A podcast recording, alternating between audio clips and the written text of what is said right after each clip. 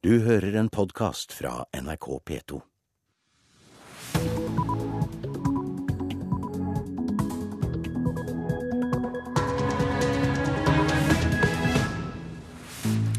Da har vi kommet fram til torsdag 16. januar, og nå klokka 6.30 er dette hovedsaker i Nyhetsmorgen.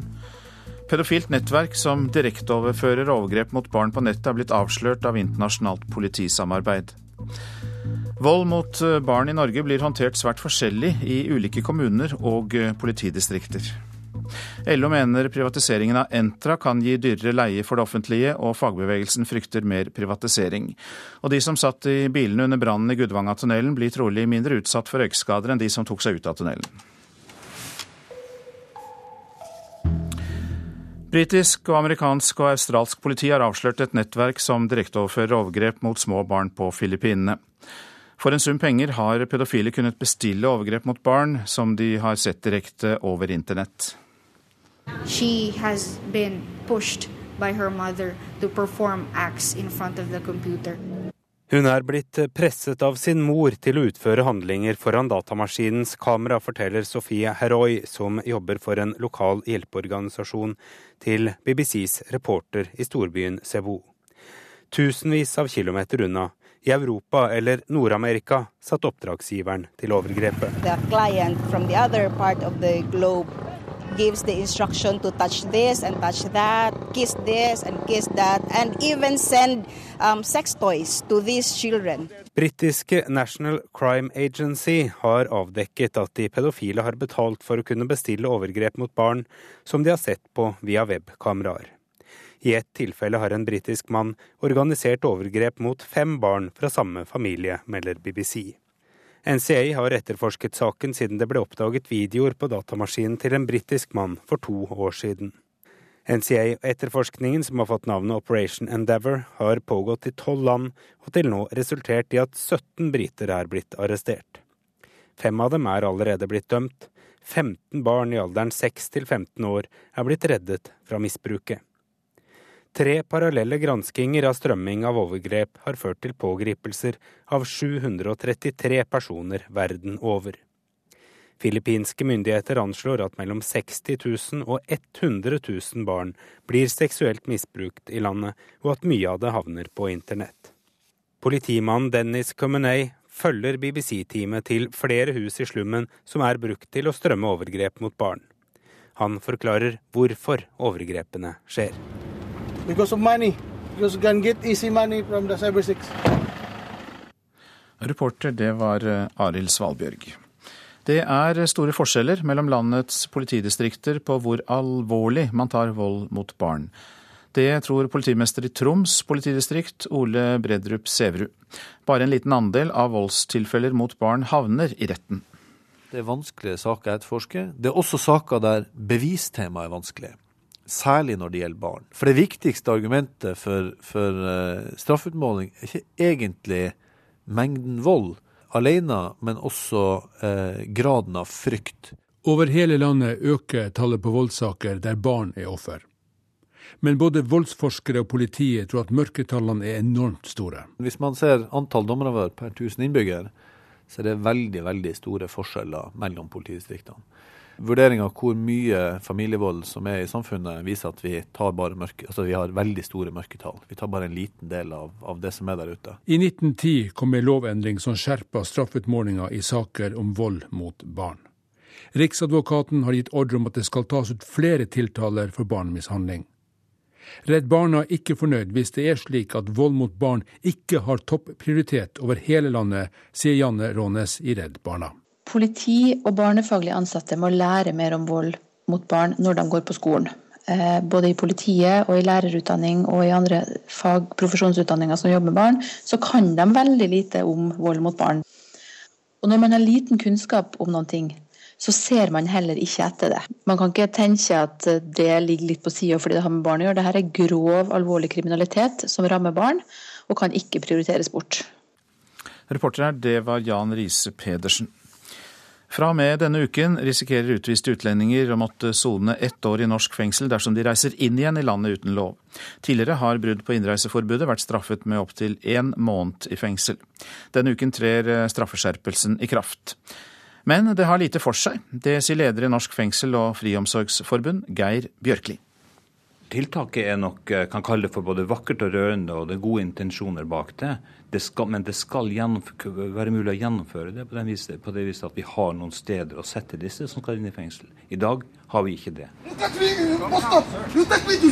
En 20 år gammel asylsøker arresteres for narkotikasalg i høst. Han får bot, men eh, mange blir utvist pga. denne typen kriminalitet. I alt et par tusen i året. Hovedsakelig har de oppholdt seg her i landet ulovlig eller drevet kriminalitet. Av disse kommer noen tilbake og bryter innreiseforbudet. Det kan nå gi ett år i fengsel og er ment å skremme kriminelle utlendinger bort fra Norge. Det har Bjørkli liten tro på vil skje med det første. Det står 1200-1500 i soningskø nå. Dette tiltaket vil medføre at enda flere står i soningskø. 150 utlendinger ble tiltalt for å ha brutt innreiseforbudet i fjor. Det er dobbelt så mange som året før, og en kraftig økning fra 2007, viser tall fra Oslo politidistrikt, som etterforsker de fleste av denne type saker. Også antall anmeldelser av brudd på innreiseforbud har fordobla seg på ett år, til 250 i løpet av fjoråret. Det bekymrer riksadvokat Tor Aksel Busch. Han har liten tro på at alle utviste som reiser inn i Norge, får plass i norske fengsel. Hvis du tenker på fengsling, at man da eh, skal ha varetekt, så er vel eh, ikke helt sikkert det er nødvendig realistisk. Men at uh, vi får jo håpe at det blir en allmennpreventiv virkning av strenge reaksjoner på dette området, slik at det ikke kommer hit. Det er jo noe av vitsen ved å straffe. Så, så dette må vi rett og slett løse. Eh, det får betydning for eh, kapasiteten i fengslene, altså manglende kapasitet i fengslene. Det har vi sett i flere tilfeller før. Politiske vedtak som fattes uten at man har helhetstenkninga med seg. Vi må ha en balanse i straffesakskjeden. Hvis ikke så oppstår det nye soningskøer, enda fullere fengsler, dårligere soningsforhold og dårligere arbeidsmiljø for de ansatte. Reporter her, det var Marit Gjelland. Nesten 6000 personer uten lovlig opphold i Norge ble sendt rundt av landet med tvang i fjor, og det er ny rekord. Litt flere enn en tredel av dem var dømt for straffbare forhold i Norge, skriver Dagsavisen. Afghanere og nigerianere er de to største enkeltgruppene, rumenere er den tredje største gruppen. Ifølge sjefen for Politiets utlendingsenhet er tvangsretur et viktig virkemiddel mot omreisende kriminelle, og noe av det viktigste de gjør. Regjeringens eh, privatisering av eiendomsselskapet Entra kan gi økte utgifter og mindre overskudd til det offentlige, det mener LO. Fordi 80% av eiendomsmassen leies ut til det offentlige, er det dårlig butikk, sier nestleder Hans Christian Gabrielsen. Nei, det virker som eh, dette er et uh, litt sånn planløst uh, ideologisk nedsalg av statlig eiendom. Regjeringen vil privatisere statlige Entra eiendom etter at de borgerlige ga grønt lys før jul. Ja, det er slik at Stortinget rett før jul nå ga regjeringen fullmakt til å vurdere 100% nedsalg i Entra, og vi går nå i gang med å vurdere de mulighetene. Ifølge næringsminister Monica Mæland. Det er bra fordi eh, staten er en veldig stor eh, aktør. Vi har et stort statlig eierskap. Bare på Oslo Børs har vi verdier for 568 milliarder eh, kroner. Det gir staten en gedigen maktposisjon.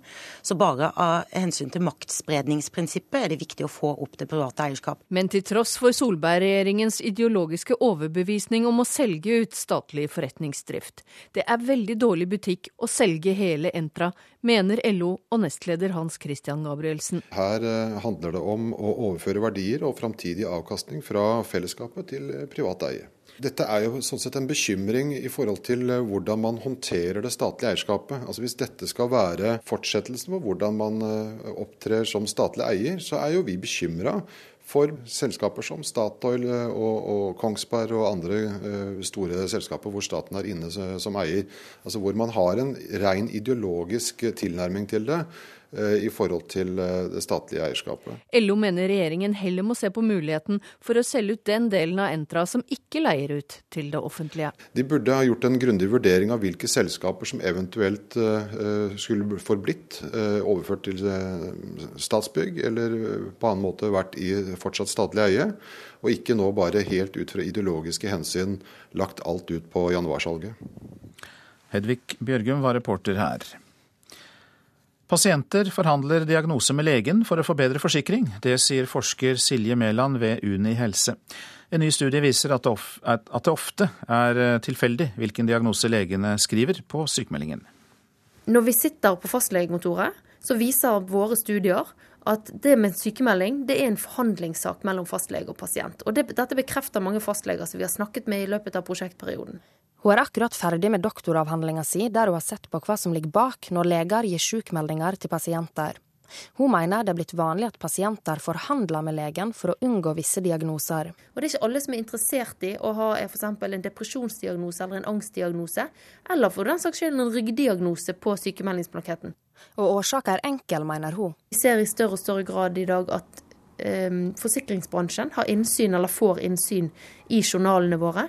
Og at um, man vil kunne bli nektet forsikring på bakgrunn av at man har hatt helseplager som ikke taler i din favør når det gjelder å få livsforsikring eller skadeforsikring eller sykeforsikring på sikt. Så du tror at mange leger er villige til å forhandle med pasientene? Ja, altså fastlegene sier selv at dette er en forhandlingssak. Fastlege Erik Eldverner forteller at han har opplevd pasienter som forhandler seg til diagnoser. Fordi de er redd for at uh, dette skal uh, hefte ved dem, at dette skal få en negativ innflytelse på en senere anledning, enten det være i forhold til rettsvesen eller politi eller trygdesystem eller andre som har innsynsrett eller ønsker journalopplysninger. Kommunikasjonsrådgiver i DNB Forsikring Vidar Dalsbø forteller at de kjenner til problemet. Det ser vi eh, på som svært alvorlig. Pasienter presser leger mot å på en måte få en, en uh, avgjørelse som går i deres favør i henhold til forsikring. Det er jo svindel. Reporter her, det var Adal Heidur Oldeide. Så til det avisene har på forsidene i dag. Jeg vet hva jeg har gjort og hva jeg ikke har gjort. Det sier Torleif Enger til Dagens Næringsliv. Den tidligere konsernsjefen i Yara er tiltalt for grov korrupsjon, men avviser all straffskyld. Enger er tiltalt for å ha bestukket sønnene til oljeministeren i Libya og en tjenestemann i India. Norges smertelige skittentøyvask, skriver Aftenpostens kommentator Ola Storeng. Yara er et av Norges mest suksessrike selskaper, og Torleif Enger var en norsk næringslivsstjerne. Men risikerer å bli den første næringslivslederen på absolutt toppnivå som rammes av nye og strengere børsbestemmelser om korrupsjon. Yara-korrupsjonen var til liten nytte, skriver Finansavisen. Gjødselselskapet investerte 1,4 milliarder i Libya i 2009, men på fem år har investeringen bare gitt tilbake 62 millioner kroner i Yaras kasse. Fabian Stang vil beholde lov mot sexkjøp, skriver Klassekampen. Oslos Høyre-ordfører advarer regjeringen og sier at en fjerning av loven kan oppfattes som et signal om at det er greit å kjøpe sex. Trøndelag fjernstyres, skriver Adresseavisen. Halvparten av de børsnoterte selskapene med base i Trøndelag styres av ledere som pendler fra andre deler av landet eller fra utlandet. Kommunalråd Yngve Brox fra Høyre i Trondheim etterlyser ledere med lokalt samfunnsengasjement og krever boplikt. Uavhengige produsenter i landbruket jubler for landbruksminister Sylvi Listhaug, skriver Nasjonen. Hun vil nemlig ha økt konkurranse og setter landbrukssamvirket under lupen. Zombier skal lære elever rett og galt. Vårt Land forteller at en videregående skole i Bergen bruker de overnaturlige skikkelsene i zombiespillet The Walking Dead til å undervise i etikk. Er det forsvarlig å ofre et menneske for å redde livet til tre andre? Ja, det er et av spørsmålene som blir stilt gjennom spillet. I dag starter NM på Lillehammer. For mange av Norges beste skiløpere blir det generalprøven før OL i Sotsji. Marit Bjørgen ble syk under Tour de Ski, men nå sier hun at hun er eh, spent på hvor god formen er. Jeg synes jo er en eh, veldig fin konkurranse, og så ser man litt på hvordan man ligger an. og Jeg har trent eh, veldig bra og mye, så om jeg mangler sikkert noe overskudd eh, for å, å få ut det, det meste i dag. Men jeg gleder meg og gleder meg til å konkurrere igjen, og gleder meg til å konkurrere med dem som har gått Tour de Ski. I OL blir det nok Marit Bjørgen, Therese Johaug, Astrid Unholt Jacobsen og Heidi Weng som går 10-kilometeren. Dette blir dermed den nest siste konkurransen før OL, og Johaug sier det ligger mye prestisje i å vinne. Etter den historiske seieren i Tour de Ski har hun tatt det rolig. Jeg har lært litt fra de andre årene jeg har gått toren og har kanskje dratt i gang igjen litt for tidlig med treninga eh, enn det jeg burde. Så for å være på sikre sida i år så tok jeg tre fridager og gleder meg til å gå, gå 10 km klassisk. Det er jo en OL-distanse. og Du får jo en veldig pekepinn her i hvordan formen er etter toren. og i forhold til de andre nå. Det er jo høyt nivå på jentesida i Norge, så det blir, det blir spennende å se. Reporter, det var Pål Thomassen. Og NM kan du høre på radiokanalen NRK Sport, som sendes på DAB digitalradio fra klokka 11. Klokka den passerte nettopp 6.46. Dette er noen av våre saker i Nyhetsmorgen.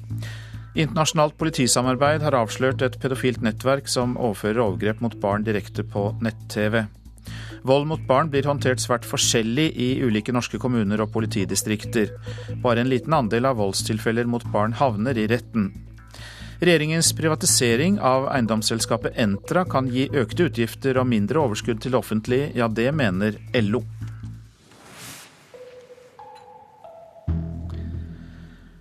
Nå skal vi høre at de som ble værende inne i bilene sine under brannen i Gudvangatunnelen i fjor høst, trolig ble mindre utsatt for røykskader enn de som gikk ut i den giftige røyken. Det er en av konklusjonene i en evalueringsrapport fra Statens vegvesen. Tidligere i uken har vi hørt om folk som fikk seinskader etter at de gikk i to til tre timer i tykk røyk for å komme seg ut av tunnelen. Midt i kaoset inne i tunnelen prøvde også Trygve Klakegg fra Os å snu for å komme seg tilbake til Gudvangen, men da var det for sent. Før jeg hadde greid å snu bilen, så var det helt svart. Det var så svart at jeg, jeg hadde jo bilen i gang og lysene på, men jeg så absolutt ingenting. Og jeg rygget i fjellveggen på den ene siden og i et eller annet andre veien. Trygve Klakegg fra Os var på vei til kona og hytta i Valdres 5. august i fjor, da han ble fanga i røykkaoset vel åtte kilometer inne i Gudvangatunnelen. Noen hundre meter lenger framme hadde et vogntog tatt fyr, og i løpet av noen få sekunder kom røyken farende over Klakegg og de andre bilistene som sto på Gudvangen-sida av brannen. Jeg ble jo veldig redd. Medan Klakegg hadde prøvd å snu bilen, kom det mye røyk inn i kupeen. Han tok telefonen og ringte kona og lurte på hva han skulle gjøre. Svaret han fikk, skulle bli avgjørende. Og Da sier hun det at du skal ta og ringe 113. Og Så sa hun også det at jeg ikke burde gå ut av bilen. Og Så ringte jeg 113, eh, og da eh, sier vedkommende på 113 at det burde jeg ikke gjøre, gå ut av bilen. Og Så spør vedkommende om det var noe røyk eller sånt i bilen, og da sier jeg at det var en del røyk i bilen. Og Da sier vedkommende at eh, jeg burde legge meg ned på gulvet, sånn, at det kom lavest mulig ned. Men det var ikke alle i tunnelen som fikk det rådet Klakegg fikk. Tidligere denne veka har det kommet fram at mange har fått seinskader etter ulykka. Midt i kaoset så de en brann som sperra den korteste veien ut av tunnelen mot Flåm. Utveien ble da å gå tilbake til Gudvangen i tjukk, giftig røyk. To av de som gjorde det, var Britt Linda Klausen og samboeren. Det som er viktig å få fram her, det, det, er hvor fort alt skjer, og det er panikk. Og det hører jeg jo. Jeg hører jo at folk roper og skriker, og vi ser jo at det brenner framfor oss, og vi vet ikke hva som brenner. Og vi er redd for eksplosjoner og bli brannskadd, rett og slett. Så vi blir enige om at vi må bare gå ut samme veien som vi kom inn. Tilbake i bilen sin lå Trygve Klakegg og hunden hans, som instinktivt hadde gjort det samme som eieren. Medan Klakegg lå der og pressa nesen mot bilgulvet, hørte han eksplosjoner fra det brennende vogntoget, og fra tid til annen mennesker som gikk i bilen hans, og folk som skreik. Men han hadde fått beskjed om å ikke åpne døra før brannfolka kom. Jeg må si at jeg, at jeg var veldig nervøs. Jeg eh, lå på et tidspunkt og, og, tenkte litt der at eh, ja, dette er sånn livet skal ende. Etter om lag 30 minutter banka en brannmann på bildøra. Brannen i vogntoget var da sløkt, og viftene i taket hadde blåst røyken forbi bilen til Klakegg i retning Gudvangen. Så gikk jeg ut av bilen, tok med meg hunden. Så sier han til meg at jeg skulle følge midtstripen ukjent. Medan den franske familien og samboerparet Klausen og mange andre kjempa sin livskamp gående ut av tunnelen mot Gudvangen, kunne Klakegg og hunden gå den korteste veien østover mot Flåm. Etter ei stund fikk han sitte på med en sykebil, og ble etter hvert frakta til Lærdal sykehus. Politiets etterforsking har avdekket at mange som var inne i tunnelen 5.8, fremdeles har seinskader. Klakegg derimot kom unna ulykka uten varige mein. I en rapport konkluderer Statens vegvesen at de som ble værende inne i bilene sine, trolig ble mindre utsatte for røykskader enn de som gikk ute i den giftige røyken. Trygve Klakegg er derfor takksam for det rådet og den hjelpa han fikk denne skilsettende dagen for nesten et halvt år siden. Jeg føler at jeg fikk en fantastisk oppfølging på sykehuset. Jeg føler det at eh, det var en fantastisk flink person som jeg møtte tilfeldigvis på 113 når jeg satt inn i den tunnelen. Det var veldig viktig. Og De som har laget denne reportasjen, var Noralv Pedersen og Stine Kyrkjebø Johansen. Ved Norges teknisk-naturvitenskapelige universitet i Trondheim kan det bli slutt på at studentene rekker opp hånden for å be om ordet. I framtida vil de kunne si fra via en smarttelefon. Mentometerknapper, virtuelle laboratorier og spesialtilpassede forelesninger skal fornye undervisningen ved NTNU. Eller på spørsmålet er det noe annet som kan også utgjøre det trykket der. Ingen av kjemistudentene rekker opp hånda, for fingrene er opptatt av å trykke på smarttelefon og nettbrett. Det er litt problematisk hvis du detter av, og det er på sånn forelesning, for da bare går det gjennom, og så skriver du bare av det som skjer på tavlen. Hva mer enn hydrogen kan bidra? Noen av studentene syns det kan være vanskelig å følge med på tavleundervisninga når krevende temaer gås fort igjennom. Men nå satser NTNU 12 millioner kroner på fire prosjekt for å bedre undervisningsopplegget til kjemi- og mattestudentene, som vil påvirke 80% av sivilingeniørene som utdannes i Norge. Karina Mathisen, førsteamanuensis på Institutt for kjemi, er en av de som skal bidra til omlegginga. Vi skal aktivisere dem i mye større grad, for det her er snakk om veldig store uh, undervisninger. Uh, prøve å få dem til å tenke før de kommer på forelesning, og kanskje få dem litt mer i tale på forelesninga i forhold til hva skjønner dere, hva skjønner dere ikke. Det er målet når hun og Hilde Lea Lein setter i gang sitt prosjekt. Fjernundervisning over nett, virtuelle laboratorium, video og mentometerknapper på smarttelefon skal gjøre fagene lettere. Og ifølge prorektor Berit Kjelstad henger Norge etter når det gjelder tilpassa undervisning. Jeg har jo besøkt både Sverige, Finland og Danmark og ser at der har det blitt jobba med de her spørsmålene i mange år. Så jeg oppfatter personlig at vi kanskje henger litt etter i Norge, og det må vi absolutt gjøre noe med. Og vi må snu litt om på det, og da drive aktiv utvikling av utdanningstilbudene våre sammen med studentene. En lang rekke forskningsprosjekt viser at tradisjonell forelesning er lite effektivt. Derfor mener rektor ved NTNU, Gunnar Bovim, at nå er undervisningsmetoden nødt til å følge med i tida. Vi tror at dagens studenter vil ha en innlæring som er bedre hvis vi bruker moderne virkemidler. Og Det som kjennetegner alle de prosjektene våre, er at studentene må være mer aktive enn de er i tradisjonelt studium. Tilbake til auditorium R7. Universitetene har ikke lenger så mange heltidsstudenter som tidligere, og det er større spenn i studentenes nivå. Og dermed er det nødvendig med omlegging, sier Mathisen. Studentene må, må, i mye større grad eh, eh, delta. Altså det her med å ikke være forberedt og bare dukke opp og sitte og, og bli mata, det, det, tror jeg de må, må begynne, må begynne å gå litt bort ifra. Altså de må, de være litt mer forberedt eh, for at de skal få bedre utbytte av forelesningene. Og reporter her, det var Kaja Kristin Næss.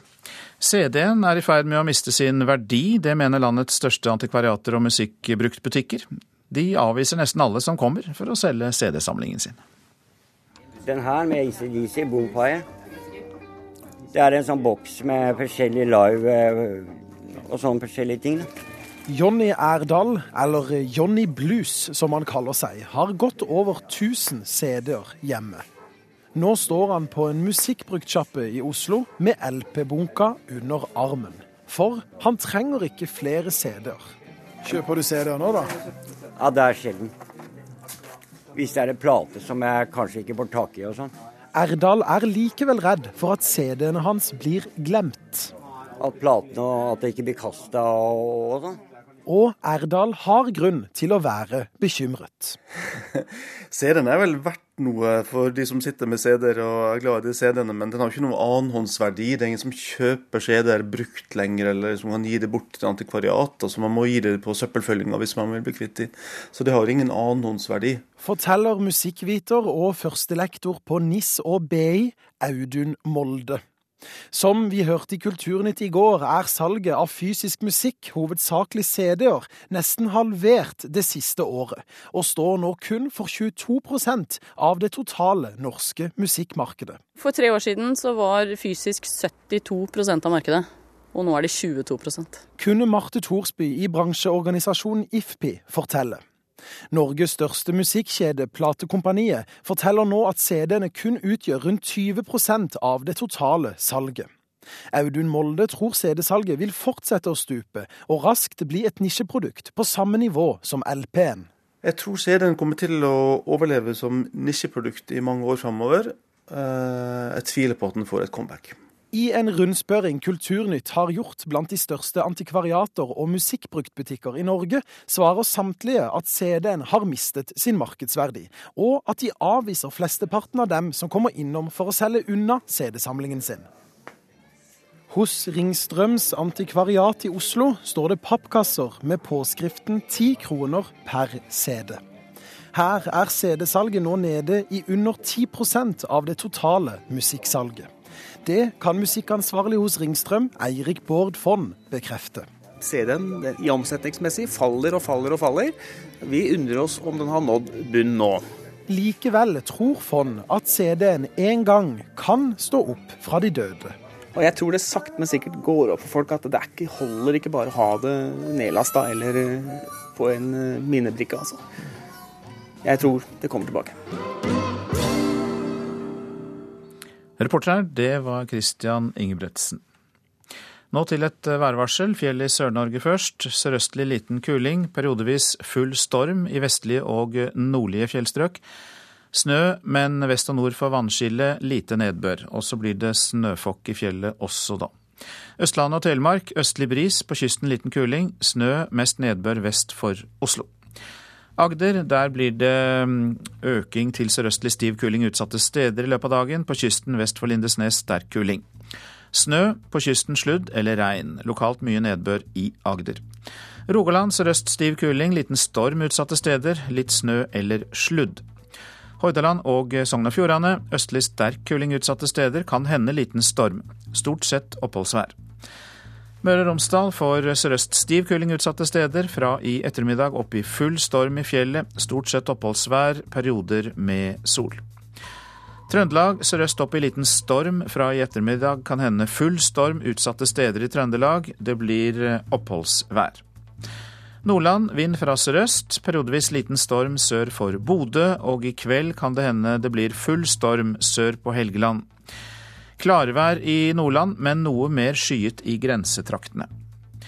Troms rolige vindforhold. Fra i ettermiddag sørlig liten kuling utsatte steder. Klarvær i Troms, men noe mer skyet i grensetraktene. Finnmark får rolige vindforhold. I kveld kan hende sørlig stiv kuling utsatte steder. Det blir skyet oppholdsvær på Finnmarksvidda og i indre strøk i øst. Ellers for det meste pent vær. Så var det Nordensjøland på Spitsbergen, sørvestlig frisk bris og enkelte snøbyger. Så tar vi med oss temperaturene som ble målt klokka fire.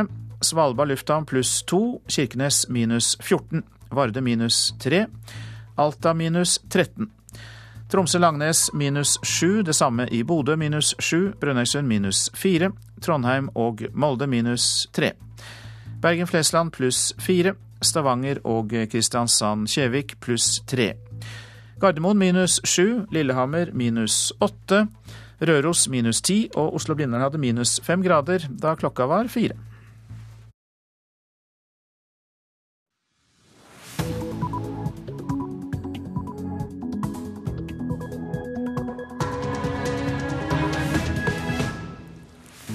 Og Nyhetsmorgen fortsetter med disse sakene. Frp-statsråd får refs av partifeller fordi hun roser hijab og halalmat i Forsvaret. Statoil vil fremdeles ikke sende ansatte tilbake til In Amenas ett år etter terroren. Rett før jul trakk de også alle ansatte ut av nabolandet Libya. Og har du hørt om e-bjeller? Vel, det er de nye elektroniske duppetittene som sauer skal utstyres med. Det får vi også plass til i denne halvtimen. Likestillings- og integreringsminister for Frp, Solveig Horne, får krass kritikk fra egne partifeller. Grunnen er at hun har gitt en mangfoldspris til Forsvaret, bl.a. fordi de tillater hijab til uniformene og serverer halalmat til soldatene. Tidligere har Frp kalt dette for snikislamisering. Virkeligheten er at man nå er i ferd med å tillate en form for snikislamisering av dette samfunnet, og det må vi sette en stopper for. Det var i februar 2009 at Siv Jensen skapte furore ved å introdusere ordet snikislamisering i den norske integreringsdebatten. Hvis Fremskrittspartiet får lov til å fornye Norge, så er det norsk lov, norske regler og norsk styresett som skal ligge i grunn for alt vi gjør, og vi kommer ikke til å tillate særkrav fra noen enkeltgrupperinger i dette samfunnet. Frp lanserte òg ei liste på elleve punkt over hva de mener er slike muslimske særkrav. På lista sto bl.a. halalmat i fengsel og fri til å feire muslimske helligdager. Da den rød-grønne regjeringa åpna for hijab og turban i Forsvaret, reagerte Frp-talsmann Per-Willy Amundsen sterkt i et intervju med nrk.no. Det er uklokt og ei snikislamisering av Forsvaret. Man lar islamismen få plass, og den vet vi har mindre hyggelige sider. Norske verdier har ingenting med islamisme å gjøre.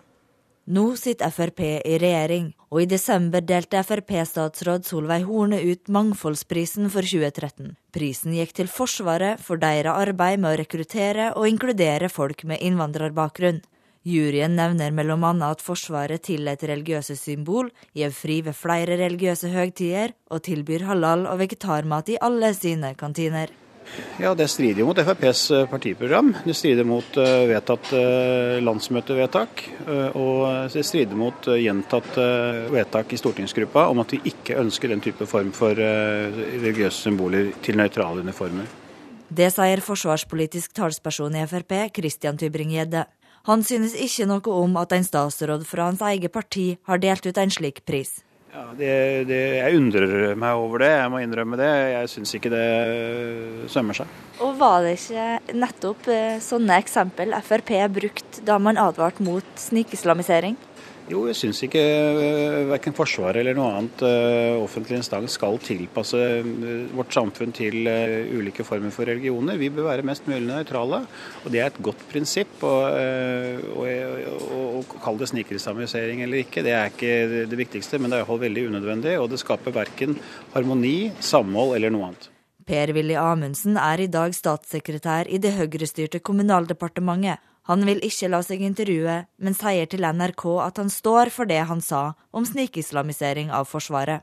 Solveig Horne ønsker ikke å uttale seg om denne saka. Og det sa reporter Ellen Wiseth. Ja, god morgen til deg, Lars Nehru Sand, du er politisk kommentator her i NRK. Ja, vil du si at Frp møter seg selv i døren? Ja, for Frp har gjentatte ganger også fra Stortingets talerstol siden 2005 argumentert mot at offentlige uniformer, og spesielt politi- og Forsvarets uniformer, skal være religiøst nøytrale, fordi man mener at det skal være allmennhetens plagg, eh, og ikke eh, gi uttrykk for et personlig religiøst standpunkt. Og Solveig Horne satt selv i stortingssalen i mai i fjor, eh, altså litt over et halvt år før hun delte ut denne prisen og stemte for å innføre et forbud mot eh, hijab i eh, Forsvarets uniform. Så ja, de møter seg selv i døren, og da vet alle som har vært i Forsvaret at man i det minste får hilse. Men hvorfor deler Horne ut denne prisen, for det er vel en begrunnelse her? Det er en begrunnelse, og hun har ikke sittet i juryen og, og aktivt selv bestemt hvem som skal vinne. Det er, eh, det er eh, representanter for arbeidslivets organisasjoner og kontaktutvalget mellom innvandrerorganisasjonene og myndighetene. Den eh, juryleder fra LO. Men det er helt klart at man må forutsette at hun som statsråd, som deler ut prisen fordi det er Integreringsdirektoratet som har sekretariatsansvar for dette arbeidet, også mener å stå bak det juryen har skrevet i sin begrunnelse også, som altså går på tvers av det Frp har ment tidligere om nettopp Forsvaret og tilrettelegging for andre religioner i, i deres aktivitet.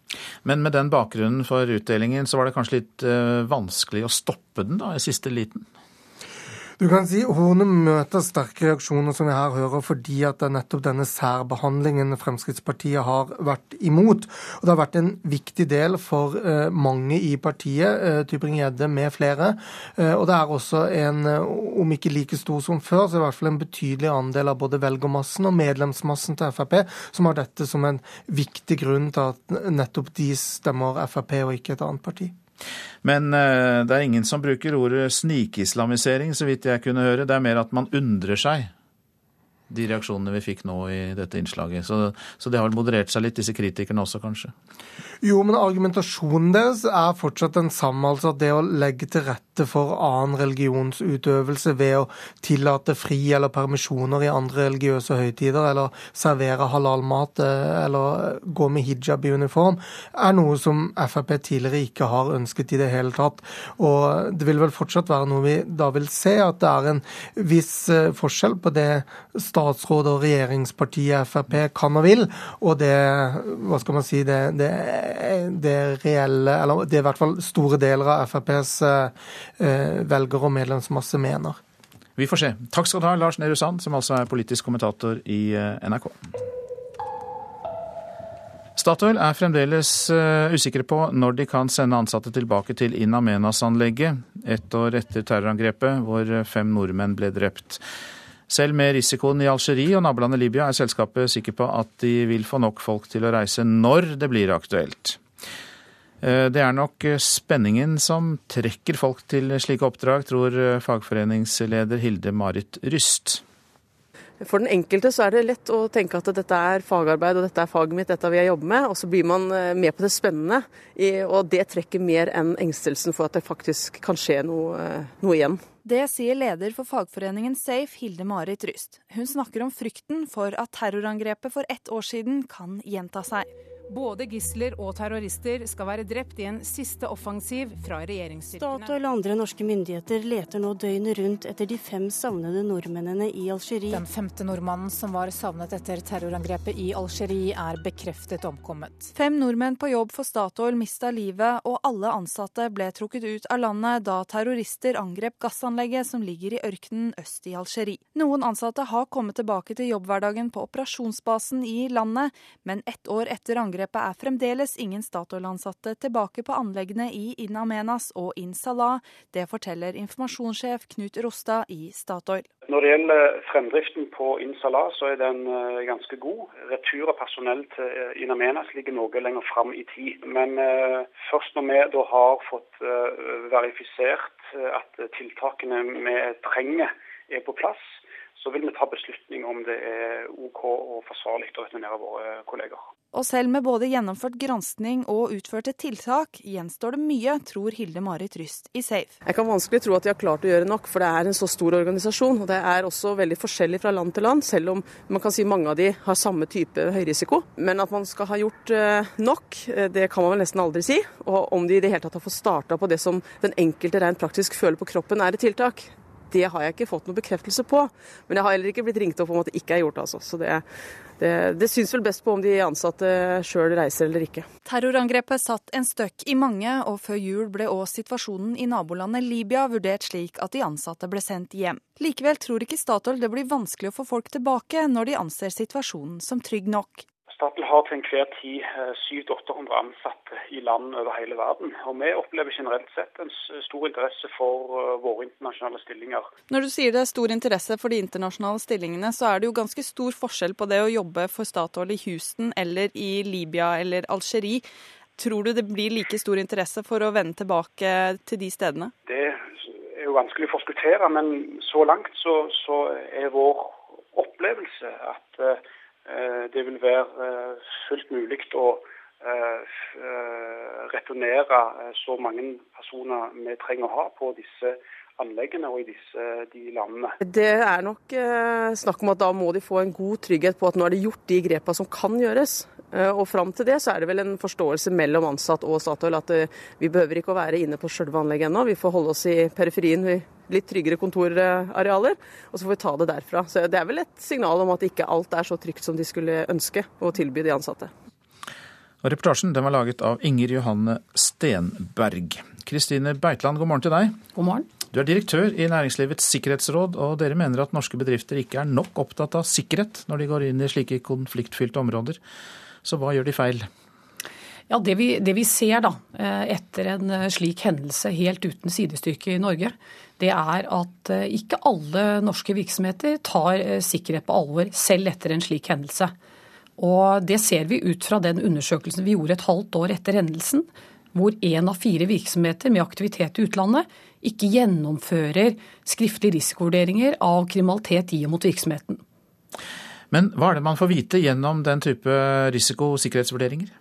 Nei, Det er et eh, overblikk du må ha for å vurdere om du i hele tatt skal gå inn. Det er jo selskaper som under eh, den gjennomgangen eh, av sikkerhetsrisikoen har valgt ikke å gå inn i områder f.eks. på bakgrunn av kriminalitetsbildet. Men hvorfor tror du norske ledere ikke er mer opptatt av denne sikkerheten? Hva er det som ligger bak? Hva tror du de tenker på? Ja, det, er, vanskelig å si noe helt uh, klart om hva som er årsaken. Men det vi ser på andre områder uh, innenfor informasjonssikkerhet, hvor vi har gått litt i dybden, det er at det er manglende kompetanse som er hovedårsaken til at sikkerhetsarbeidet ikke er gjennomført i virksomheten. I tillegg ser vi på dette området at mange tror at dette med risikovurderinger uh, er en komplisert øvelse. Og det er det jo ikke. En risikoanalyse trenger ikke være komplisert. Og dette har vi hatt fokus på. Så det vi har gjort i tiden eh, siden, det er at vi har jobbet med å få ferdigstilt et verktøy, altså standarder, nye norske standarder for næringslivsledere, som gjør det enklere å gjennomføre denne prosedyren. I tillegg har vi hatt dette som et tema oppe rett før jul, hvor vi hadde risikoanalyser. er ikke en komplisert øvelse. Og det jo, fikk vi heldigvis stor oppslutning på. Eh, og det lover godt, men vi har et langt stykke å gå, viser disse tallene. Eh, og vi vet at noen av de store medlemmene hos oss har en helhetlig gjennomgang. Har gjort denne øvelsen etter hendelsen. Ja, altså det å foreta en slik sikkerhetsvurdering, det er ikke så vrient, sier du da. Men eh, er det da slik eh, som du sa i stad, at de frykter at de ikke har nok kompetanse til å gjøre det? At de sitter musestille fordi de tror ikke de har folk nok til å få det gjort skikkelig? Ja, jeg tror det går litt på holdninger også. At man har en eh, viss risikoorientering. Kanskje mer mot det operasjonelle i virksomheten, ikke så mye mot sikkerheten. Og det må man få en forandring på. Altså mer på, på driften i, ja. i fabrikken f.eks., mer enn det som er sikkerhetsproblemer rundt? Ja, jeg har en eh, oppfattelse av det ut fra de tilbakemeldingene vi får. Så det vi har gjort, og det vi tror er nøkkelen til å få opp eh, sikkerhetsnivået i norske virksomheter, det er nettopp å øke kompetansen og holdningene men også et tettere samarbeid med myndighetene. Så her jobber vi på alle fronter. Vi har jo også en veileder utarbeidet til de små og mellomstore virksomhetene på hvordan de skal gå gjennom på en enkel måte denne prosedyren. Altså vurdering før, under og etter etablering i utlandet.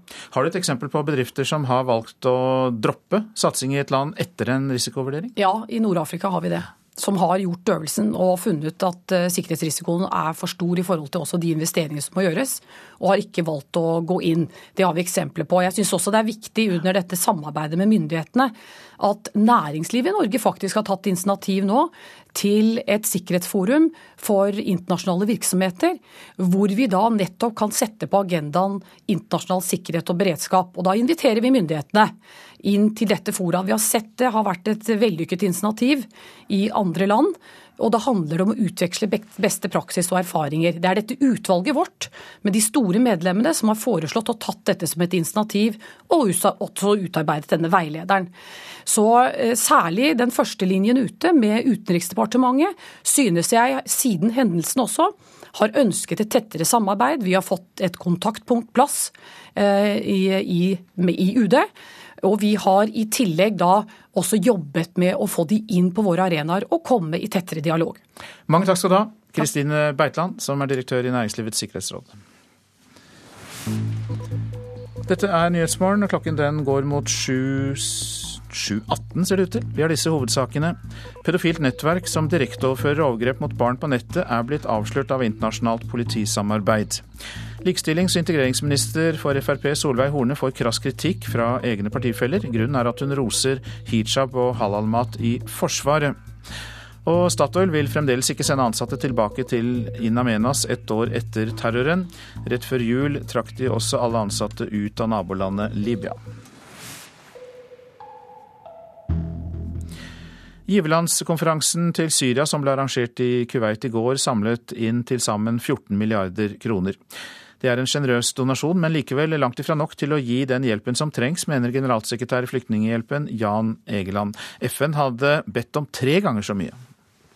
Humanitarian Pledging Conference has just concluded by raising more than 2.4 billion US dollars FNs generalsekretær Ban Ki-moon konkluderer med at de på giverlandskonferansen i Kuwait i går fikk løfter om til sammen 14 milliarder kroner til å hjelpe flyktninger og sivilbefolkninga i Syria. Men en stor sum til trass, det er om lag bare en tredel av det FN ba om.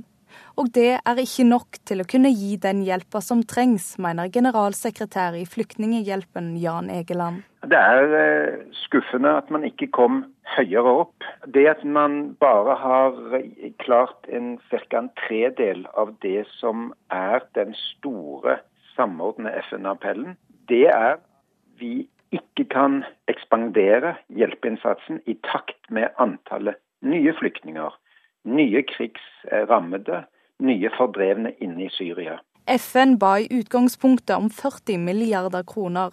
Utenriksminister Børge Brende, som selv var på konferansen, har håp om at pengene kommer inn.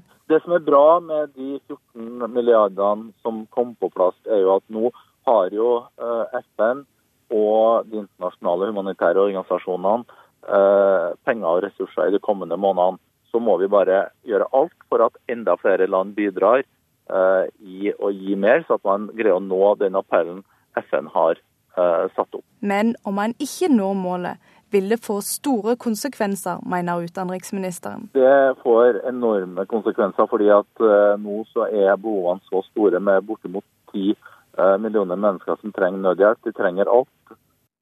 Reporteren det var Kjersti Hetland. Det amerikanske utenriksdepartementet er rystet over kritikken fra den israelske forsvarsministeren mot USAs utenriksminister John Kerry. Nå vil USA skyve den israelske forsvarsministeren ut i kulden og plasserer skylden for at fredsforsøkene kollapser hos israelerne. Ja, det skriver eh, flere israelske kommentatorer. Ingen støtter Israel så trofast som USA. Ingen andre land får USAs president støtte, uansett hvordan det oppfører seg og få andre, om noen, får en sjekk på 25 milliarder kroner hvert år. Og nå setter USAs utenriksminister John Kerry sin politiske prestisje på spill for å få til en fredsavtale mellom israelere og palestinere. Ikke rart det kokte i korridorene i det amerikanske utenriksdepartementet da de så hva Israels forsvarsminister Moshe Alon mener om Kerry, ifølge Israels største avis Yediota Achronot. John Kerry er besatt av fredsprosessen. Arbeidet hans er preget av en slags messianisme.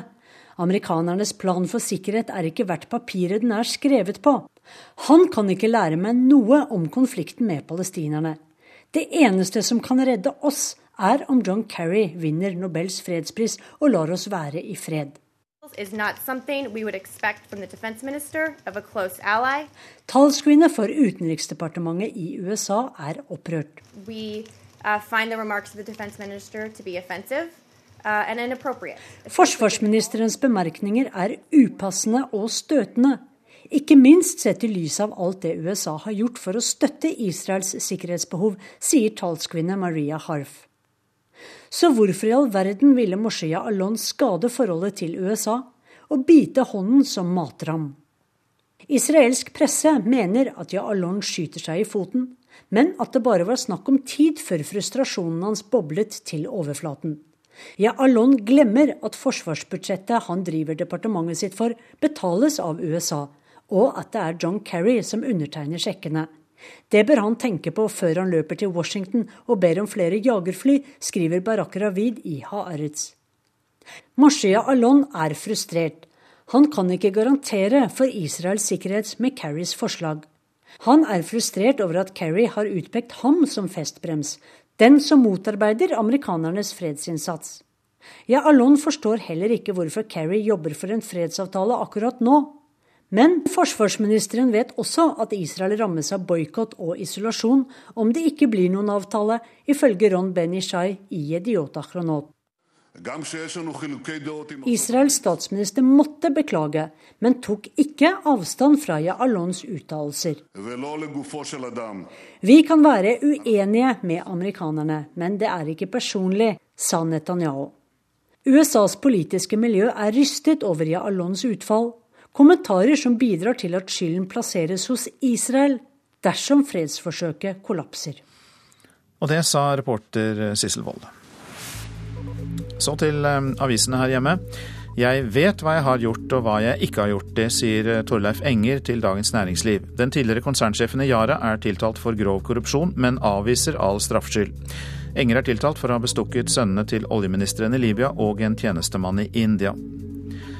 Norges smertelige skittentøyvask, skriver Aftenpostens kommentator Ola Storeng. Yara er et av Norges mest suksessrike selskaper, og Torleif Enger var en norsk næringslivsstjerne. Men risikerer å bli den første næringslivslederen på absolutt toppnivå som rammes av nye og strengere børsbestemmelser om korrupsjon. Yara-korrupsjonen var til liten nytte, skriver Finansavisen. Gjødselselskapet investerte 1,4 milliarder i Libya i 2009, men på fem år har investeringene bare gitt tilbake 62 millioner kroner i Yaras kasse. Fabian Stang vil beholde lov mot sexkjøp, skriver Klassekampen. Oslos høyreordfører advarer regjeringen og sier at en fjerning av loven kan oppfattes som et signal om at det er greit å kjøpe sex kaster ut flere utlendinger. Høyre-Frp-regjeringen forbereder utsendelsesrekord på 6700 personer i år, skriver Dagsavisen. Nå tvangsreturneres 18 personer om dagen, og en tredel av dem er kriminelle. Trøndelag fjernstyres, skriver Adresseavisen. Halvparten av de børsnoterte selskapene med base i Trøndelag styres av ledere som pendler fra andre deler av landet eller fra utlandet. Kommunalråd Yngve Brox fra Høyre i Trondheim etterlyser ledere med lokalt samfunnsengasjement, og krever boplikt. Zombier skal lære elever rett og galt. Vårt Land forteller at en videregående skole i Bergen bruker de overnaturlige skikkelsene i zombiespillet The Walking Dead til å undervise i etikk. Er det forsvarlig å ofre et menneske for å redde livet til tre andre? Ja, det er et av spørsmålene som blir stilt gjennom spillet og undervisningen. Elektroniske sauebjeller er blitt mer og mer populære blant sauebøndene. E-bjelle det er en sender som monteres rundt halsen på sauen, og ved hjelp av en GPS så har bonden full oversikt.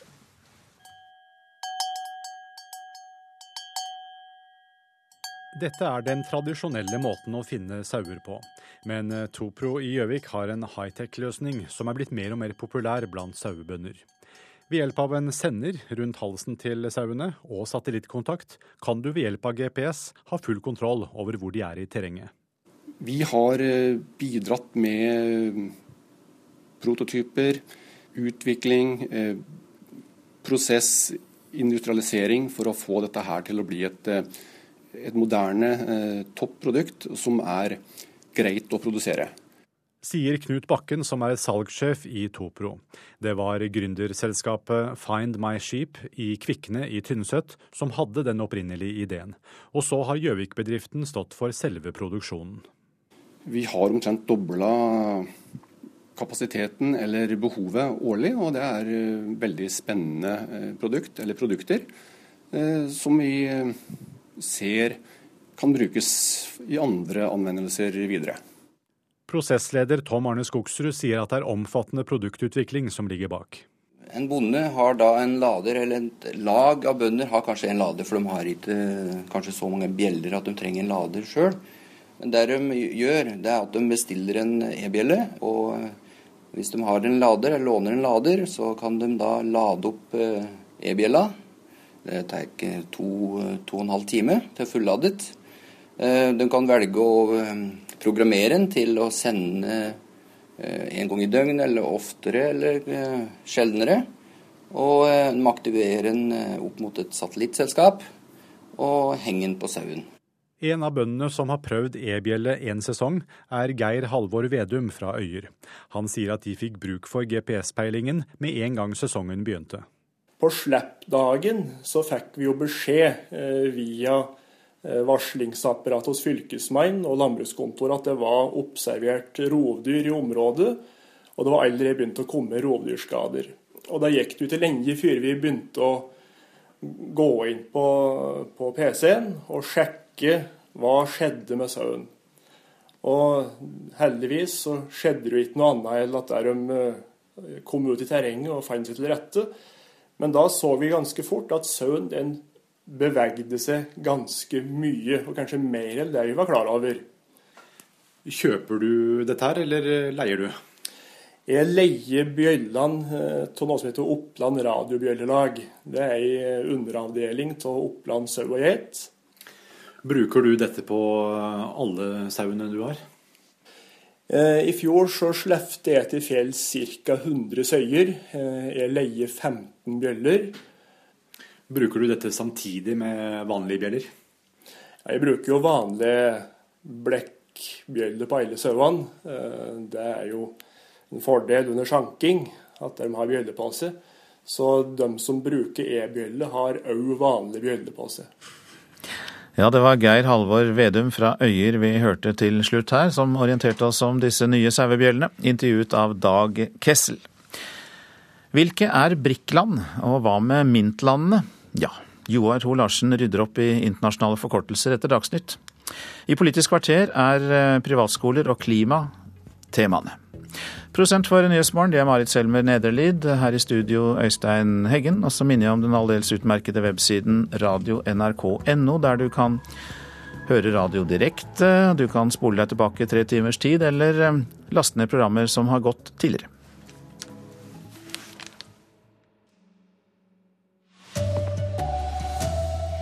Frp-statsråd gir pris til Forsvaret for å tillate hijab. Nå får hun så hatten passer av sine egne. Politisamarbeid har avslørt et pedofilt nettverk som direkte overfører overgrep mot barn. Marit Bjørgen måtte droppe Tour de Ski. Nå skal hun måle kreftene mot de beste i NM. God morgen, her er NRK Dagsnytt klokken er 7.30. Frp-statsråd Solveig Horne har gitt en pris for mangfold til Forsvaret fordi de tillater hijab og halalmat, noe Frp er sterkt imot. Nå får hun krass kritikk fra sine egne partifeller. Christian Tybring-Gjedde reagerer kraftig, og skjønner ikke hvordan dette kunne skje. Ja, det, det, jeg undrer meg over det, jeg må innrømme det. Jeg syns ikke det sømmer seg. Virkeligheten er at man nå er i ferd med å tillate en form for snikislamisering av dette samfunnet. Og det må vi sette en stopper for. Dette var Siv Jensen noen år før Fremskrittspartiet kom i regjering. Og da den rød-grønne regjeringen åpnet for hijab i Forsvaret, ble det stemplet som nettopp snikislamisering av Fremskrittspartiet. Nå sitter Frp i regjering og rett før jul fikk Forsvaret Mangfoldsprisen av FrPs likestillingsminister Solveig Horne. En av grunnene var at Forsvaret tillater hijab og serverer halalmat. Ja, Det strider jo mot FrPs eh, partiprogram. Det strider mot uh, vedtatt uh, landsmøtevedtak. Christian Tybring-Gjedde er FrPs forsvarspolitiske talsmann. Det strider mot gjentatt vedtak i stortingsgruppa om at vi ikke ønsker den type form for religiøse symboler til nøytrale uniformer. Og Var det ikke nettopp sånne eksempel Frp brukte da man advarte mot snikislamisering?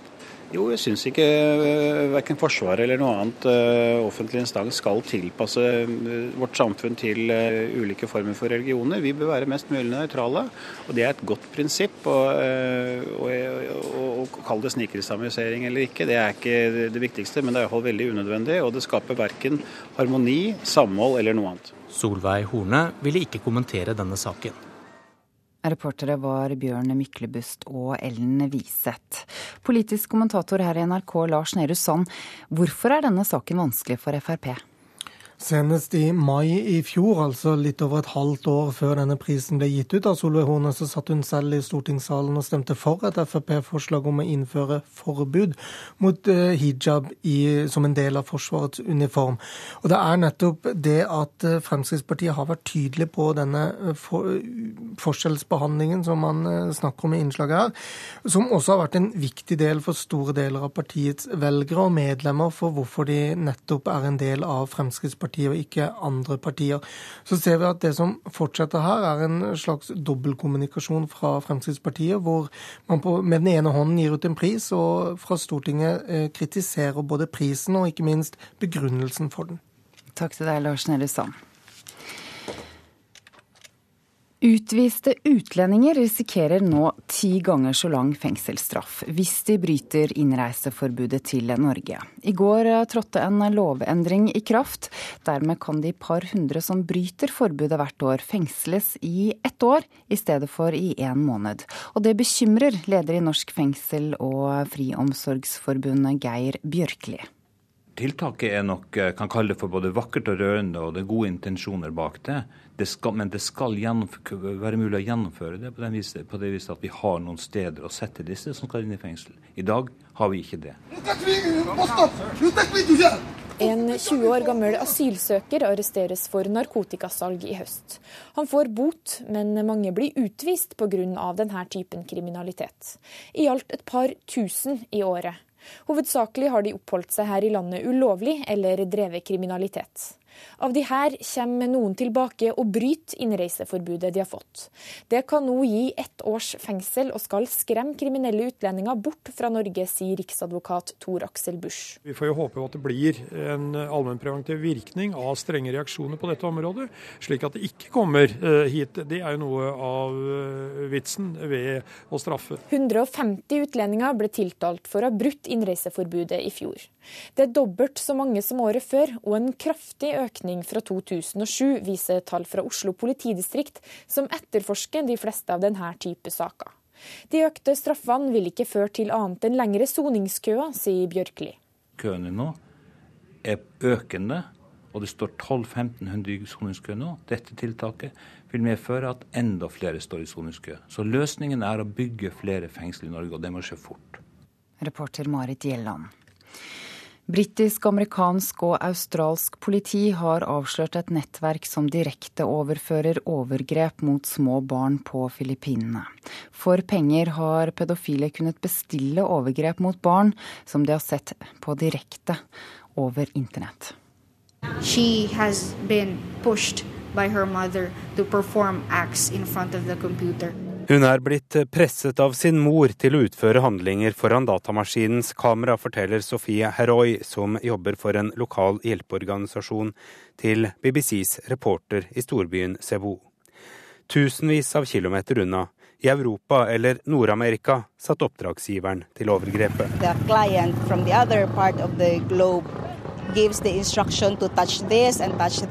the I ett tilfelle har en britisk mann organisert overgrep mot fem barn fra samme familie, melder BBC. Politimannen Dennis Comenay følger BBC-teamet til flere hus i slummen som er brukt til å strømme overgrep mot barn. Han forklarer hvorfor overgrepene skjer. Reporter her var Arild Svalbjørg. Statoil er fortsatt usikre på når de kan sende ansatte tilbake til In Amenas-anlegget ett år etter terrorangrepet der fem nordmenn ble drept. Men eh, selv med risikoen i Algerie og i nabolandet Libya, er selskapet sikker på at de vil få nok folk til å reise når det blir aktuelt. Det sier informasjonssjef Knut Rostad. Vi har generelt sett opplevd eh, en god interesse for eh, våre internasjonale stillinger. Eh, men vi er opptatt av å være åpne og tydelige selvfølgelig med, med våre kolleger om de tiltakene som er innført. Og så får folk gjøre en vurdering av om, om, om de er komfortable med det. Viktigste, vår viktigste oppgave er å ivareta sikkerheten til våre ansatte. Direktør i Næringslivets sikkerhetsråd Kristine Beitland. Dere mener at norske bedrifter fortsatt ikke er opptatt nok av sikkerheten når de går inn i slike konfliktfylte områder. Hva er det de gjør feil? Det vi ser da, etter en forferdelig hendelse som, som dette, det er at selv virksomheter med aktivitet i utlandet tar ikke sikkerheten helt på alvor. Vi hadde en kriminalitets- og sikkerhetsundersøkelse et halvt år etter selve hendelsen, som viser at én av fire virksomheter ikke gjennomfører skriftlige risikovurderinger av kriminaliteten i og mot virksomhetene. Vi er også opptatt av at nøkkelen her ligger i mye av det å heve kompetansen hos ledere og holdningene. Og ikke minst å få til et tettere samarbeid med myndighetene. Hvorfor tror du lederne i norske selskaper ikke er mer opptatt av dette? Ja, Det er vanskelig å si noe helt klart om årsaken. Det vi ser på andre områder, f.eks. innenfor informasjonssikkerhet, der har vi gått i dybden og sett at uh, hovedårsaken ligger i at man ikke gjennomfører sikkerhetstiltak i virksomheten, ligger i kompetansen hos uh, lederne. Så hva må til da? For å få uh, ja, det vi konkret har gjort, da. Vi har jobbet med dette over tid. Vi har bl.a. et utvalg over større medlemmer som utveksler beste praksis og erfaringer. De har gitt en veileder til små og mellomstore virksomheter og I tillegg har vi tatt et initiativ fra næringslivet til å få til et forum for sikkerhetsarbeid eh, når det gjelder virksomheter i utlandet, i samarbeidet med myndighetene. Takk til deg, Kristine Beitland.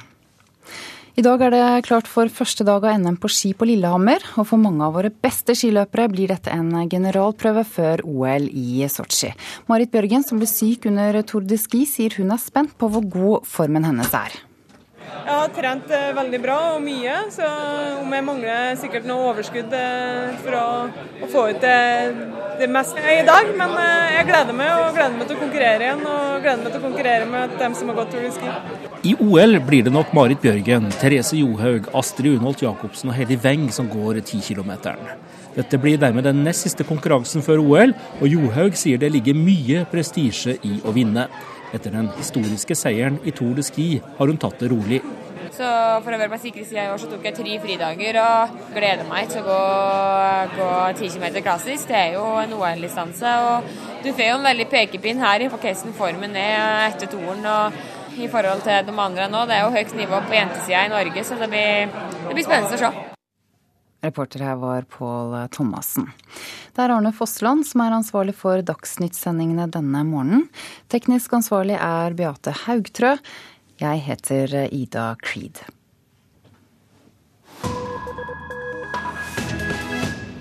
Dette er Nyhetsmorgen. Internasjonal politikk er full av forkortelser. BRIC-landene har vi vel hørt om. Nå er det MINT-landene det skal dreie seg om. Det forteller Joar Hoel Larsen utenriksreporter. Challenging the global economic order, leaders of the so-called BRICS group of BRIC står for Brasil, Russland, India og Kina. Og begrepet ble lansert i 2001 som et eksempel på hvilke land som vil kunne dominere verden i fremtiden, etter at Al Qaida hadde gitt en blodig beskjed om at amerikanisering var uønsket som alternativ i visse deler av verden.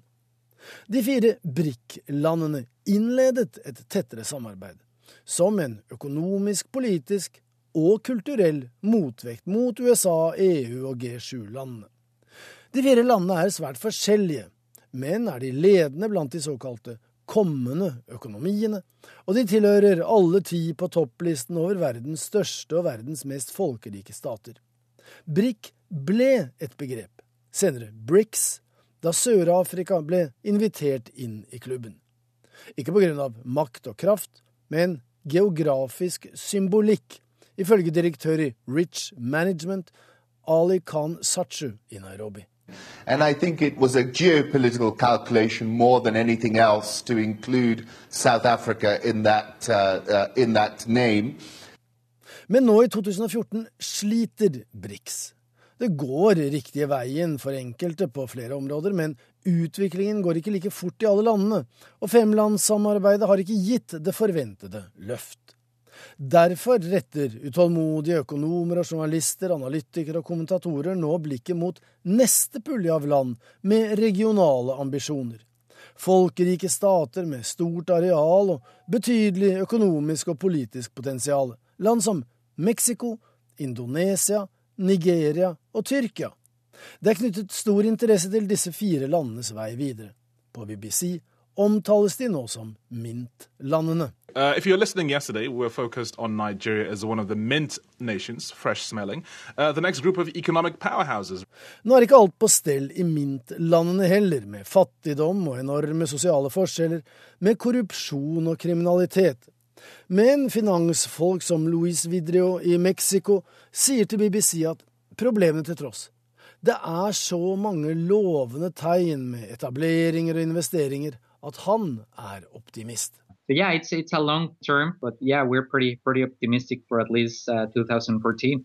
Og i fattige og kaotiske Lagos bygger eiendomsutvikler og investor David Frame luksusleiligheter til en kvart million mennesker, med priser fra fire millioner kroner og oppover. Og da ikke nødvendigvis til de superrike, ifølge David Frame til BBC, men til Nigerias voksende middelklasse. We know that there are more than sufficient numbers of people who have the ability to afford an apartment of $800,000 million, whatever. But the real market, from our research, is the rapidly growing middle class. Mintlandene står foran enorme utfordringer på alle plan. Og da har vi ikke engang nevnt urbanisering og menneskerettigheter, forurensning og miljøproblemer med mer. Mange hindre, og langt frem for Mexico, Indonesia, Nigeria og Tyrkia. Men lyset i enden av tunnelen, det er der. Dette er hovedsakene i Nyhetsmorgen i dag. Internasjonalt politisamarbeid har avslørt et pedofilt nettverk som direkteoverfører overgrep mot barn på internett. Likestillings- og integreringsminister for Frp Solveig Horne får krass kritikk fra egne partifeller. Grunnen er at hun roser hijab og halalmat i Forsvaret. Utviste utlendinger risikerer nå ti ganger så lang fengselsstraff dersom de bryter innreiseforbudet til Norge. Men det vil føre til lengre soningskøer, advarer fengslene. Og så er det strid om privatskoler som er tema i Politisk kvarter, programleder Per Arne Bjerke. Ja, for regjeringen vil slippe til flere privatskoler allerede til høsten. Snikinnføring og omgåelse av loven, mener Arbeiderpartiet.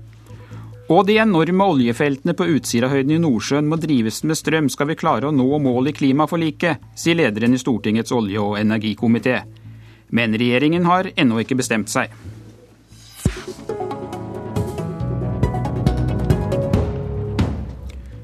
Regjeringen vil endre privatskoleloven og gi dispensasjon fra kravet om at skolene må ha et religiøst innhold og et særskilt pedagogisk opplegg.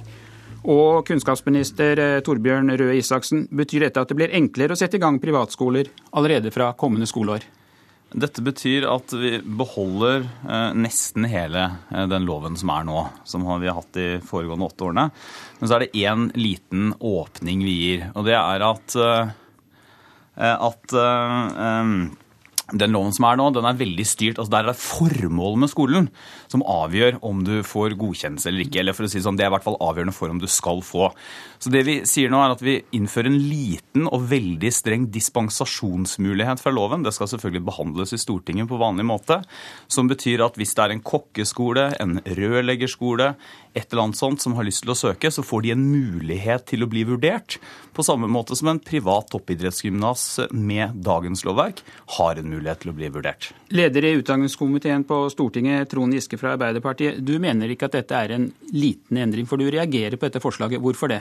Ja, for det første så står det jo veldig klart i forslaget at eh, dette er første skritt til en større privatisering. Men det er for så vidt eh, fair nok. Det var en stor debatt i valgkampen. Vi var dypt uenige. Høyre sa da at det var ikke noen planer om noe storstilt eh, privatisering. Nå begynner den veien. Men jeg reagerer mest på måten man nå gjør det på. fordi at i loven i dag så er det ganske klare kriterier for hvem som får anledning til å starte opp. Det er forutsigbart, det er likebehandling.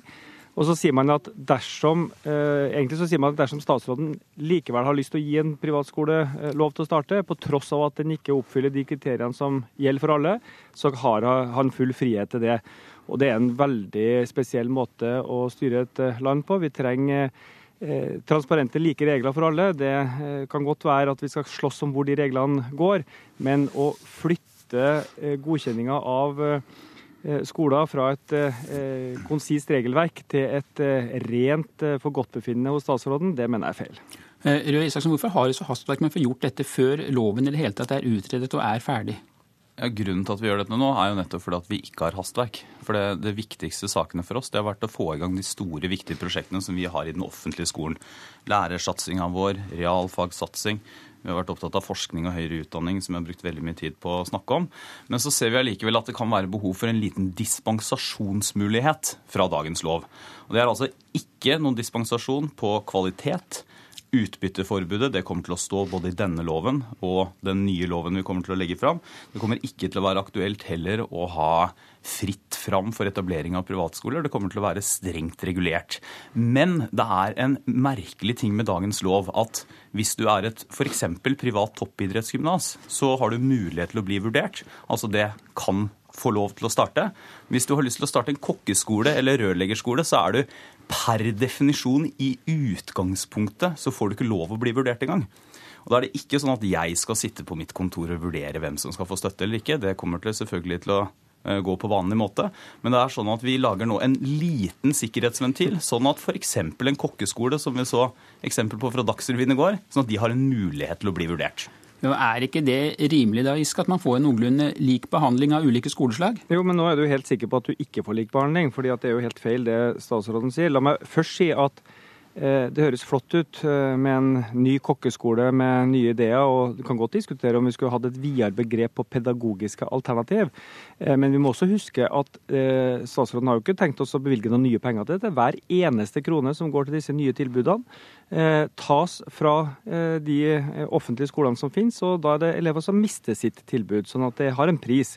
Men det er jo ikke en liten endring. Det står, jeg kan lese fra høringsbrevet, i loven Departementet kan i særskilte tilfeller gi godkjenning til private skoler som ikke fyller kravet om grunnlag.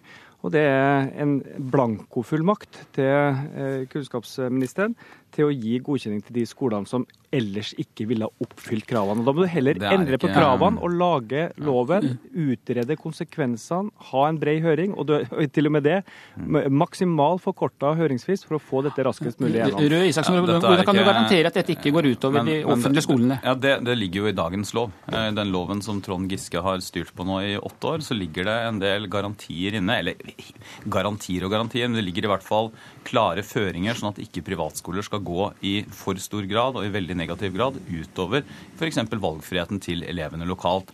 Så er det ikke riktig det Trond Giske sier. Altså, vi, vi, er veldig nøye på at dette er en veldig snever, veldig eh, lite, eh, liten unntaksbestemmelse som kommer til å bli praktisert veldig strengt.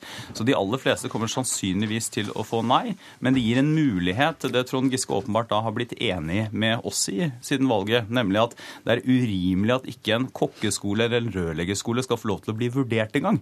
Og da skal de da altså vurderes etter de akkurat de samme kriteriene som eh, den rød-grønne regjeringen satt og vurderte privatskoler etter da de satt i regjering. Og det kan da ikke være så dramatisk at man bruker akkurat de samme kvalitetskriteriene, akkurat det samme utbytteforbudet, for å vurdere også en eh, kokkeskole og en rørleggerskole. Men et snev, snev av redelighet må vi ha her. Altså, du sier at de skal ha rett til å vurdere. Altså, det som står i, eh, i teksten deres, er jo at dere skal til en lov etter hvert hvor de private skolene har rett til støtte hvis man oppfyller visse kriterier. sånn at Det er jo ikke en, en rett til å bli vurdert.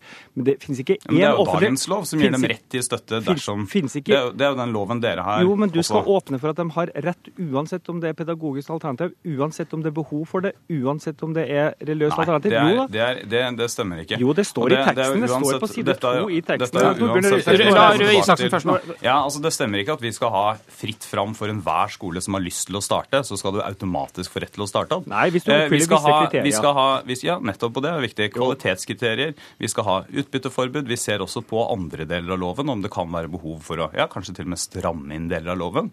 Hovedpoenget vårt er jo at man må ha en lik mulighet til å bli vurdert uavhengig av hva slags tilbud man gir. Altså Kvaliteten skal være det avgjørende. Og Da kan det ikke være mest avgjørende om du har lyst til å starte en kokkeskole, som da er forbudt i dagens lov, eller om du har lyst til å starte et privat idrettsgymnas, som er lov i dagens jo, lov. Men det, det som står i teksten, jeg siterer igjen, regjeringen vil arbeide for en ny friskolelov med rett til godkjenning for søkere som oppfyller kravene til innhold og kvalitet. Og Det betyr altså at man får rett til statsstøtte. Ja, ikke, nå snakker jeg. Det finnes ikke én offentlig skole i Norge, verken i grunnskolen eller videregående, som har rett til støtte de blir vurdert hele tida av lokalpolitikerne i forhold til behovet, i forhold til eh, geografisk dekning, i forhold til å sørge for at alle får lik rett til utdanning. Nå gir man altså blankofullmakt til privatskolene, og jeg gjentar, hver krone som går til privatskolene, hentes fra den offentlige skolen. Hver lærer som ansettes i den privatskole, må kompenseres med en opps, oppsagt lærer i den offentlige skolen. og det er, dette, er, dette er helt feil. Nei, er og helt måten riktig. Trond Giske leser dette høringsbrevet på, er også som fanden leser Bibelen. Det er helt feil. Det blir ingen automatisk rett til å starte opp. Det vi gjør nå, har, handler heller ikke om det. Det vi gjør nå, er å beholde den loven som de rød-grønne har styrt på i åtte år, og som de har sagt de er fornøyd med. Og så gir vi en bitte liten sikkerhetsventil for noen skoler.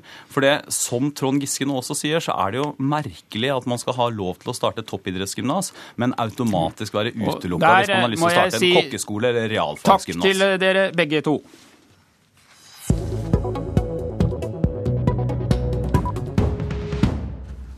Oljebransjen står foran en omfattende utbygging på Utsirahøyden i Nordsjøen.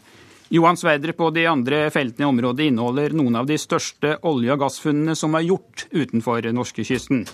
Akkurat nå vurderer Statoil og de andre selskapene om gigantfeltet skal drives med elektrisk kraft fra land, eller om den energien som trengs til produksjonen skal komme fra bl.a. gassturbiner med påfølgende store utslipp.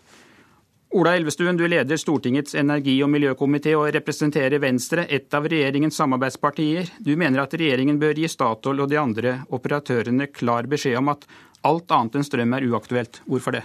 Ja, eller jeg mener at Stortinget har allerede gjort det. Fordi stortingsvedtakene på de tre andre feltene utenom eh, Sverdrup, så ligger det jo helt tydelig inne at her skal det være en områdeelektrifisering. Og det statsråden nå har gjort, er jo at man har reist tvil om man vil stå fast på at det hele området skal elektrifiseres. Er dette er store utslipp. Her er det snakk om utslipp i størrelsesorden over en million tonn til, til sammen hvert år. Og det er altså utslipp på størrelse med det som er eh, hele Oslos samlede utslipp i, i dag. Skal vi nå klimamålene, så er vi nødt til å ta denne type eh, beslutninger og denne type avgjørelser, også når det er vanskelig. Olje- og energiminister Tord Lien, hvorfor kan du ikke bare gi Statoil og de andre beskjed om at her må det brukes strøm? Nei, det, altså, nå er det sånn at eh, vi har gitt pålegg til i forbindelse med alle store utbygginger på sokkelen om å utrede også eh, kraftløsninger fra land. Eh, det skjer også eh, på Utsirahøyden, og ikke minst den store Johan Sverdrup-utbygginga. Eh, Så er det sånn at vi må vurdere også eh, kostnader eh, og kost-nytte ved å gjøre det vedtaket. Vi, ingenting tyder på noe annet enn at vi kommer til å bli bedt om av selskapene i lisensen om å gi tillatelse til at Sverdrup skal elektrifiseres fra dag én. Men det er viktig å, vite at, å ha med seg her at det er selskapene som har, som har eh, plikten til å utrede og komme med forslag til oss. Regjeringen har på ingen måte konkludert, verken når det gjelder eh, eh, kraftløsning for Sverdrup eller de øvrige mindre feltene på, på Utsirahøyden. Ja, men det er klart at eh, For disse feltene så er det jo langt mer en generell regel om at du skal vurdere elektrifisering på hvert felt. Her sånn ligger det tydelig stortingsvedtak til grunn på alle de tre områdene som, områdene som tidligere har vært, eh, vært eh, vurdert. Og Sånn sett så bør bestillingen ikke være om man skal eh, elektrifisere. Dette handler om hvordan man skal få dette til. Og det er dimensjoner om dette.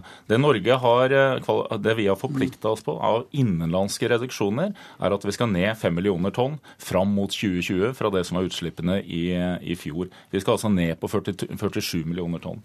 Og hvis du ikke får til en elektrifisering her, så er det andre områder som må ta de reduksjonene. Og det er ingenting ved i hvert fall de forslagene som har kommet fra regjeringen så langt, som tilsier at man kommer til å klare Det Tord Lien, men er det mulig å nå målene i klimaforliket dersom dette området ikke bygges ut med strøm? Det, det vet eh, begge to at det er det, det, er det ikke olje- og energiministeren som svarer på. Jeg har bare lyst til å minne om hva Stortinget har vedtatt. Stortinget har både i klimaforliket og i forbindelse med uh, Utsirahøyden uh, lagt til grunn at det er uh, CO2-avgifter pluss kvotepris, og dette er kvotepliktige prosjekter, eh, som skal danne grunnlaget for hvilke kostnadsnivåer som er greit.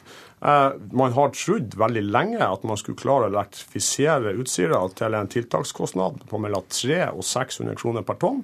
Nå ser vi det at eh, kostnadene kommer til å eh, ligge an til å kunne bli over 2000 kroner per tonn. Selvfølgelig må vi også hensyn, hensynta den type vurderinger når vi i 2015 skal ta stilling til, til dette spørsmålet. Elvestuen, er det ikke helt nødvendig også å se på kostnadene? Eh, ja, selvfølgelig skal man gjøre det. Dette skal jo gjøres så kostnadseffektivt som, eh, som mulig. Men her sånn er vi i en situasjon hvor de som utreder, har ingen interesse av de som allerede har fått tillatelse, har ingen interesse av å elektrifisere, for det vil påføre det ekstra kostnader. De skal være med å ha den kostnadsfordelingen. Så det jeg lurer på, er om statsråden har foretatt, har man foretatt eksterne, uavhengig kvalitetssikring av de tallene som man har vært, eh, blitt presentert? For det mener jeg er helt nødvendig i en sånn situasjon. Ja, altså, har både uh, Oljedirektoratet følger uh, selvfølgelig uh, denne prosessen og mener at de tallene som, som legger fram, lagt fram så langt, eh, ser, ser ut til, til å, å, holde vann. Og så må, så må, vi jo ikke glemme her nå at uh, mesteparten av, av utslippene fra Utsirahøyden vil komme fra, vil, vil, ville ha kommet fra Sverdrup, som alt tyder på blir elektrifisert fra dag én. Det, det, mener jeg vi må også ha med oss ja. i, i, denne debatten. Men Elvestuen, ja. bare spørre deg, Elvestuen, Hvordan kan du være så sikker på at den strømmen som eventuelt skal brukes, ikke kommer fra f.eks. kullkraftverk i Europa? Nei, Vi er jo i ferd også med de grønne sertifikatene som vi har, så er vi i ferd med å få et overskudd av, eh, av uh, utslippsfri kraft i dette landet. Så det er klart at her sånn finnes det en kapasitet for å kunne forsyne hele høyden. og Det er snakk om ca. 200 megawatt som det er snakk om å, for å forsyne hele Utsirahøyden. Tordlien? Vi, altså, vi, vi, vi, kommer til å få et, et overskudd på, på, kraft i det skandinaviske markedet i fremtida. Det er helt, er helt riktig. Eh, og, og, da er selvfølgelig en av de tingene vi kan gjøre for å bruke den, og det gjør vi, det er å elektrifisere mer av sokkelen. Så vil jeg minne om at, eh, at Sverdrup og de andre feltene på Utsira de er kvotepliktige. Så det vil si at eh, det vi eventuelt gjør her med å ta de sånne store kostnadene, det er å flytte utslippene til et annet sted i Europa. Det er en dimensjon vi også må ha med oss. Nei, men, men dette, er jo, dette, er jo, felt som skal åpnes nå de nærmeste årene, og de skal være der i mange år framover, eh, framover i tid. Og Det er klart at det europeiske kvotemarkedet, som nå varer fram til 2020, må strammes kraftig inn fra 20, fra 20 til 2030. Og det er klart, Da er det ikke noe, da er det ikke noe ulempe uh, å, å, elektrifisere nå og stille de kravene men, nå. Men men, men har lyst til å nå er vi, Fremskrittspartiet, Høyre og, og, Venstre, vi er veldig enige om, om mange ting i energipolitikken. Vi er enige om behovet for å stramme inn kvoteregimet i Europa, og vi er enige om behovet for å satse mer på fornybar energi.